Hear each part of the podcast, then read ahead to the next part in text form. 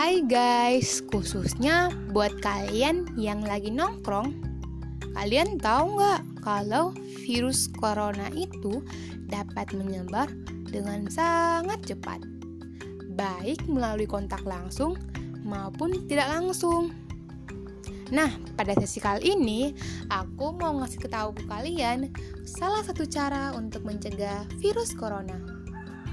Nah, Caranya itu dengan melakukan physical distancing atau jaga jarak fisik. Kalian tahu nggak bagaimana cara melakukan physical distancing? Kalau nggak tahu, nih aku kasih tahu. Yang pertama, stay at home. Atau kalian nggak usah keluar rumah jika tidak ada keadaan yang mendesak. Kalian bisa belajar, bekerja, beribadah, maupun melakukan kegiatan lain menggunakan media online atau daring. Yang kedua, hindari bepergian ke tempat yang ramai orang karena kalian nggak tahu kan siapa saja yang bawa virus corona. Yang ketiga dan terakhir, jangan lupa jaga jarak jika kalian berada di luar rumah.